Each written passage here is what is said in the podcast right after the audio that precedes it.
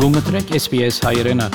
Հավելյալ հետաքրքրական հաղորդումներ կգրնակցնել վերկայքին վրա sps.com.au/armenian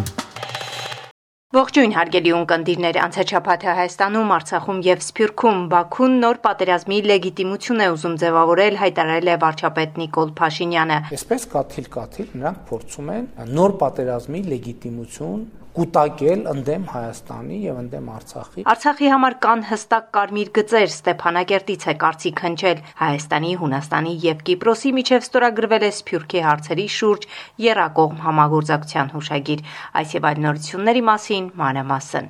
Հայաստանը Ռուսաստանին կապող Վրաստանի Մցխեթա Ստեփանձմինդա Լարս ավտոճանապարհը բացվել է, այն փակվել էր հունիսի 26-ին հորդառատ անձրևների հետևանքով Հայաստանում արտահանող ընկերությունները ահազանգել էին, որ ծիրանը փչանում է ճանապարհին։ Հայաստանի արդյունաբերողների եւ գործարարների միության խորհրդի անդամ Երվան Թարվերցյանը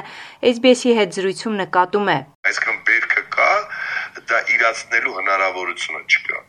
Լաստանավը, որ պետքա մայիս ամսվանից գործեր, որ կառավարությունը հայտարարեց, որ ֆինանսավորումներ ենք տալիս, ցախողվեց փաստորեն։ Դա կարևորագույն այլ ընտրանք էր Հունիսի 27-ի երեկոյան ճանապարհով երթևեկությունը վերականգնվել է։ Բաքուն նոր պատերազմի լեգիտիմություն է ուզում ձևավորել, այդ պատճառով էլ հրաժարվում է գնալ խոսակցության հրաապարակային մեղադրելով Հայաստանին խոսակցությունից հրաժարվելու մեջ, իսկ եթե դա չէ գործողությունների վեկտորը, այդ դեպքում երկու երկրները բոլոր աշխատանքներում կկարողանան լուծումների գնալ, արցանց ասուլիսի ժամանակ հայտարարել է Հայաստանի վարչապետ Նիկոլ Փաշինյանը։ Ադրբեջանական կողմը չեղարկել է հունիսի 27-ին Բրյուսելում նախատեսված Գրիգորյան Հաջիև հանդիպումը տեղեկացրել է Փաշինյանը, հիշեցնելով, որ անվտանգության խորհրդի քարտուղար Արմեն Գրիգորյանի եւ Ադրբեջանի նախագահի խորհրդական Հիկմետ Հաջիևի միջև հանդիպումներ ավելի վաղ եղել են։ Երթուղու փոփոխություն տեղի ունենալու պարագայում այն տարածքները, որոնք չեն գտնվում նախկին Լեռնային Ղարաբաղի ինքնավար մարզի սահմանի մեջ, անցնելու են Ադրբեջանի վերահսկողությանը, ասել է վարչապետը, պատասխանելով հարցին, թե Բերձորը շրջանցող նոր ճանապարհի շահագործման դեպքում Բերձոր, Աղավնո եւ Սուզ գյուղերն անցնելու են Ադրբեջանին։ Բերձորի բնակիչների, Լաչինի բնակիչների խնդիրները մենք կառավարության որոշումներով լուծում ենք։ Բնակիչները բնականաբար պիտի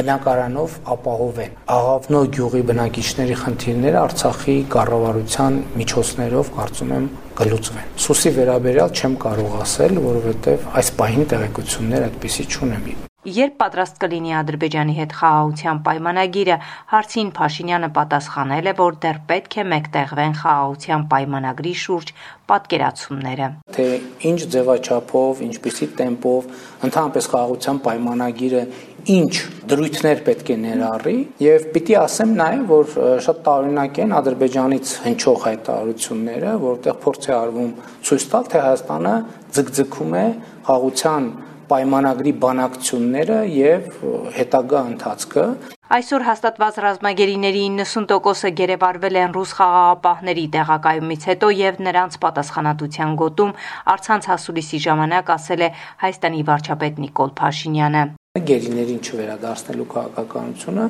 նպատակ ունի վարկաբեկել Լեռնային Ղարաբաղում եւ Լաչինի միջանցքում ռուս խաղապահների գործունեությունը Անդրադառնալով գերիների թվին վարչապետը նշել է միջազգային կազմակերպությունների եւ Ադրբեջանի հաստատմամբ Հայաստանի Հանրապետությունն ունի 38 ռազմագերի, սակայն ունենք նաեւ երկրորդ ցուցակ, որոնց գերեվարված լինելը դեռևս հաստատված չէ։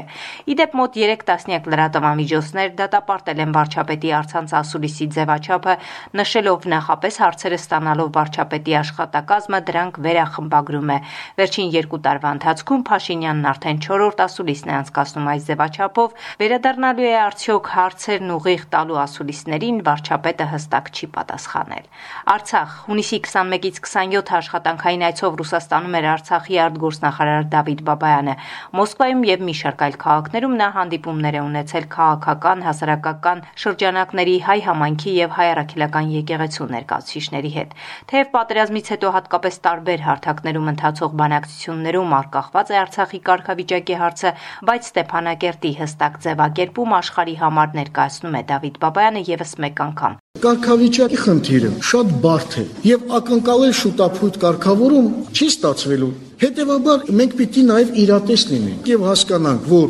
վերջնական եւ համապարփակ կարգավորումը դերևս հերավոր ապագայի խնդիր։ Դրա համար պետք է պահենք եւ պահպանենք Արցախը բոլոր տեսակի միջոցներով։ Հնարավորությունները կան։ Եթե նույնիսկ չկա համապարփակ կարգավորում, Արցախը կպահպանի իր կարգավիճակը որպես դե ֆակտո անկախ ինքնիշխան երկիր, միջև որ տեսնենք ինչ լինելու հետագայում։ Բանակցային փուլերում միջնորդներից տարբեր առաջարկներ են եղել, սկզբում քննարկվել է ընդհանուր պետության գաղափարը, երկրորդ փուլում տարածքների փոխանակման տարբերակներ, երրորդը 2007-ին մադրիդյան առաջարկներն էին։ Հենց դրանցում աստիճանաբար ամրագրվեց Ղարաբաղում նոր հանրակրվե անցկացնելու կետը։ Բոլոր առաջարկներն էլ Ղարաբաղը դիտարկվել է որպես Ադրբեջանի մաս, անգամ մադրիդյան սկզբունքներում եւ նոր հանրակրվեի առաջարկում պնդում է Նիկոլ Փաշինյանը, ասելով, որ մադրիդյան սկզբունքներով Ադրբեջանը վետոյի իրավունք է ստացել Լեռնային Ղարաբաղի ապագա կարգավիճակի որոշման հարցում նախատեսվում էր, որ Լեռնային Ղարաբաղի կարգավիճակի որոշման հարակվեն պետք է տեղի ունենար կողմերի միջև համաձայնեցված ժամկետներում։ Ադրբեջանն ասում էր, որ հարակվե պետք է տեղի ունենա ոչ շուտ, քան 50 տարի անց։ Հայաստանն ասում էր 5 տարի անց։ Սա նշանակում է, որ հարակվեն տեղի չեր ունենա, այսինքն Լեռնային Ղարաբաղը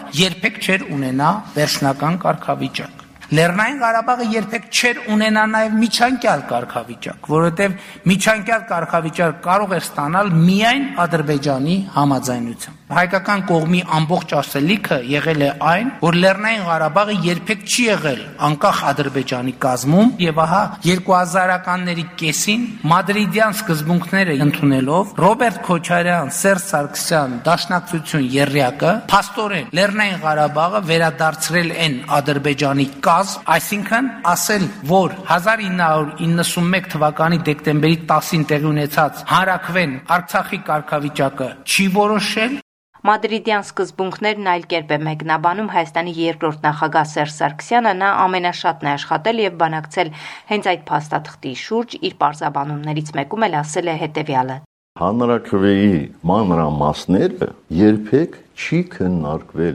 Թողնվել է պայմանագրին հիմնական։ Ես ասել եմ, հիմա էլ կրկնում եմ, Ադրբեջանը կարող է նույնիսկ չհամաձայնվել երբևէ հանրակրվեի բայց փաթեթային լուծումը հնարավորություն չի տալիս կողմերից մեկին ստանալ ինչ որ ցանկանում է, այնուհետև ասել դե գիտես ես մնացած պայմաններով։ Հենց դրա համար էր հանձնվում 5 շրջան, երկուսը մնում էր։ Միջև հանրակրվեն չանցներ, այն երկուսը պետք է մնային Լաչինն ու Քելբաջարը։ Այնպես որ ադրբեջանցիները ընտրություն ունեին կամ անցկացնել հանրակրվե, Ղարաբաղը թողնել շատ լեգիտիմ իր կազմից դուրս, կամ Լաչինն ու Քելբաջարը թողներ այնտեղ։ Եվ եթե իրենց ձեռնտու էր դա, թող այդպես անեին կապրեին միջև այն ժամանակ, երբ որ ադրբեջանցիները կցանկանային հանրակրվե անցկացնել։ Արցախը երբեք չի լինելու Ադրբեջանի կազմում, Արցախի համար կան հստակ կարմիր գծեր, ասել է Արցախի արտգործնախարար Դավիթ Բաբայանը։ Կարմիր գիծ է, որ Ադրբեջանի հետ մենք որևէ ձևով չենք կարող լինենք նրանց կազմում կամ նրանցից կախված ինչ որտեղ։ Սփյուռք. Աթենքում հունիսի 24-ին Հայաստանի, Հունաստանի եւ Կիպրոսի միջև ստորագրվել է Սփյուռքի հարցերի շուրջ երակողմ համագործակցության հուշագիր։ Այն ստորագրել են Հայաստանի Սփյուռքի գործերի գլխավոր հանձնակատար Զարե Սինյանյանը, Հունաստանի արտաքին գործերի նախարարի տեղակալ Անդրեաս Կոցանիտոսը եւ Կիպրոսի նախագահի արտերկրյա եւ հումանիտար հարցերով հանձնակատար Ֆուդիո Ֆոտիսը։ Ստորագրման արարողությանը նախորդել է կողմերի առանձնազրույցը եւ պատվիրակությունների երկու գումարած մեկ ձևաչափով հանդիպումը հուշագիրը ամրագրում է Սփյուռքի հարցերի շուրջ երեք երկրների համագործակցության ուղղությունները, մասնորապես փորձի փոխանակում միջհամայնքային գործակցություն, կրթական եւ մշակութային համատեղ միջոցառումներ, երիտասարդական նախաձեռնություններ եւ այլն։ Ստորագրմանը հաջորդած մամուլի ասուլիսի ընթացքում Զարե Սինանյանը ընդգծել է երեք երկրների պատմական բարեկամության եւ ընդհանուր արժեքների կարեւորությունը։ Պետք է նշեմ, որ տարբեր երկրներում մեր Սփյուռքի համայնքներն արդեն իսկ համագործակցում են միմյանց հետ եւ հանձնառությունն է խրախուսել նրանց առավել ակտիվ գործակցելու եւ հնարավորինս աջակցելու միմյանց։ Սփյուռքի երիտասարդ դեսպան ծրագիրը կազմակերպվում է արդեն երկրորդ անգամ նոր շունչ Սփյուռքի համայնքային կյանքին այս եւ այլ ուղություններով Այն մի շարք հնարավորություններ է ընձեռում, որ կազմակերպում է Սփյուռքի հանձնակատարի գրասենյակը։ Առաջին անգամ ծրագրին մասնակցել է 20 երիտասարդ աշխարհի 16 երկրից։ Նրանք հնարավորություն են ունեցել երկու շաբաթ լինել Հայաստանում, Արցախում, մասնակցել դասընթացների, աշխատաժողովների, ունենալ հանդիպումներ, քաղաքական, տնտեսական, կրթամշակութային եւ այլ հարցերի հետ կապված անհրաժեշտ տեղեկատվություն ստանալ։ Վերադառնալուց հետո նրանք պարտավորվում են իրենց համայնքներում հանդես գալ ծրագրերով ու նախաձեռնություններով, ներդնելով ծրագրի շրջանակում Հայաստանում ձեռք բերած փորձն ու գիտելիքները։